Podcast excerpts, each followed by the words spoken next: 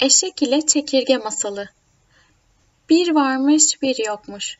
Evvel zaman içinde, kalbur zaman içinde, uzun zamanlar önce tarlaların birinde bir eşek varmış.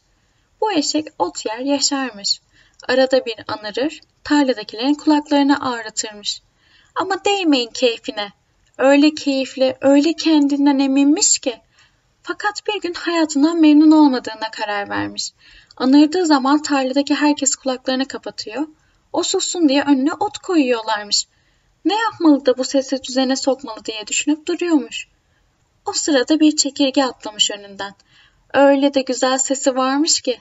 Bayılmış bizim eşek. O ötmüş bizimki anırmış. Bakmış olmuyor çekirgeye doğru eğilmiş. Çekirge kardeş affedersin demiş. Çekirge bakmış ona. Söyle bakalım demiş. Ben de sizin gibi ötmek isterim. Acaba ne yapmalıyım? Çekirge şaşırmış. Ne bileyim ben. Doğduğumdan beri hep böyle öterim demiş.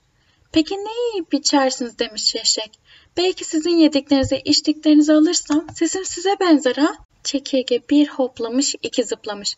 Biz çiçeklerin üstündeki çiğlerden yeriz sadece demiş.